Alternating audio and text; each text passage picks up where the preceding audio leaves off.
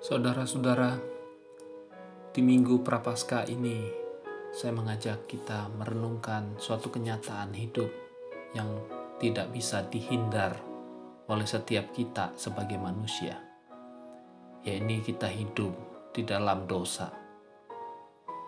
Roma 3 ayat 23 menegaskan bahwa semua orang telah berbuat dosa dan telah kehilangan kemuliaan Allah semua orang tanpa kecuali semua berdosa.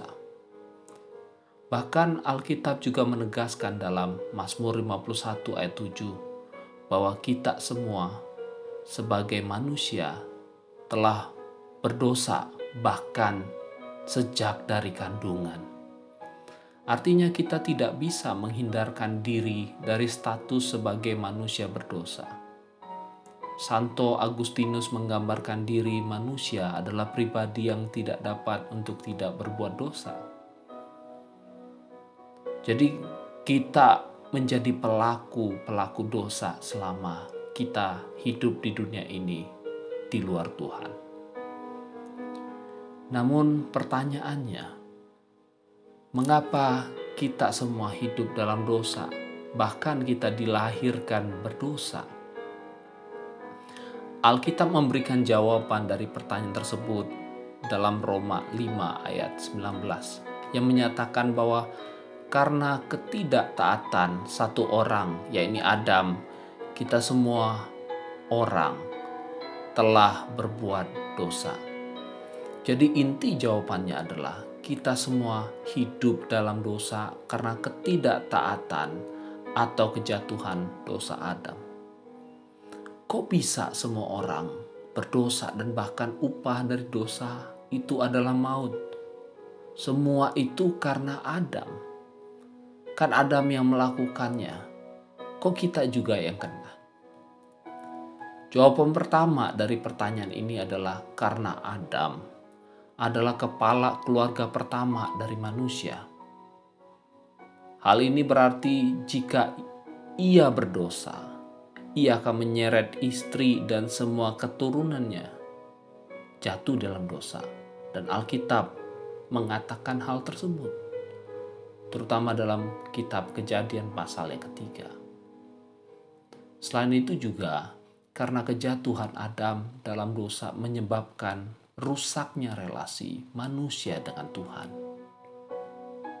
Makanya dalam Yesaya 59 ayat 2 mengatakan, yang merupakan pemisah antara kamu dan Allahmu ialah segala kejahatanmu dan yang membuat dia menyembunyikan diri terhadap kamu sehingga ia tidak mendengar ialah segala dosamu yang jelas diawali dengan keberdosaan Adam.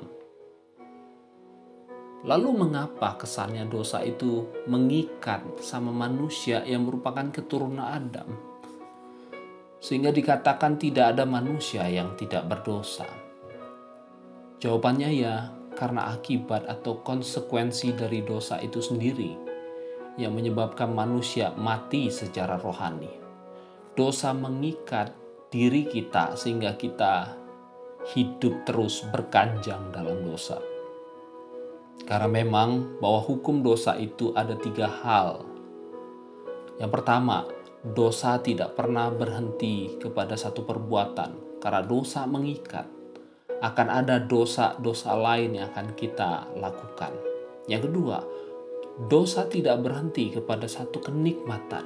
Dosa bagaikan bius, bagai candu yang memberikan kenikmatan sementara tetapi menuju kenikmatan yang berujung kematian. Dan yang ketiga, Dosa tidak pernah berhenti pada satu korban, dia menjalar. Dosa itu bagaikan kanker, secara diam-diam menjalar kepada setiap kita. Pertanyaan terakhir, mengapa kita merenungkan mengenai dosa dalam Minggu Prapaskah ini? Jawabannya adalah supaya kita tahu kita butuh juru selamat. John Calvin mengatakan semakin kita merasa berdosa, semakin kita butuh akan juru selamat. Jadi ketika kita belajar tentang dosa, hal itu paralel berhubungan dengan mengingat akan kebutuhan kita kepada Juru Selamat. Ketika kita menyadari akan dosa yang mengikat, membius, dan menjalar dalam kehidupan kita, sehingga dengan kemampuan kita, kita tak akan pernah lepas darinya. Maka, pada saat itu, kita harus sadar, tahu diri bahwa kita butuh juru selamat. Kita butuh Tuhan, yaitu Yesus Kristus. Akhir kata, mari kita sadari kita adalah manusia berdosa. Manusia yang lemah dan tidak berdaya. Sehingga kita juga ketika menyadari hal itu semua, kita semakin sadar kita butuh Tuhan butuh juru selamat. Kiranya Tuhan menganugerahkan kasih anugerahnya kepada kita semua. Amén.